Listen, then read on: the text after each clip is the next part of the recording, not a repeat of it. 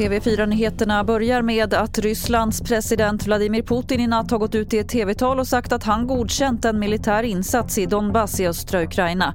Explosioner ska ha hörts i Ukrainas huvudstad Kiev och likaså kommer rapporter om skottlossning vid Kievs flygplats. I talet varnade Putin för att andra länder som försöker blanda sig i den ryska operationen kommer att möta konsekvenser de aldrig tidigare sett. Putin hävdar att operationen är nödvändig för att skydda människor i östra Ukraina och att USA och dess allierade struntat i Rysslands krav på att inte tillåta Ukraina att gå med i Nato.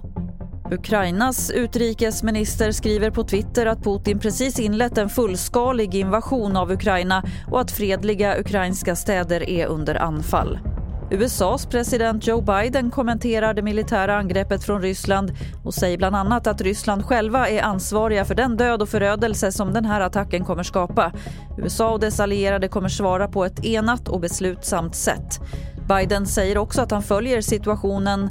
Under dagen ska han träffa G7-ledarna och sen senare ska man presentera vilka ytterligare konsekvenser USA och dess allierade kommer svara med. Och mer om detta finns på tv4.se. Jag heter Lotta Wall.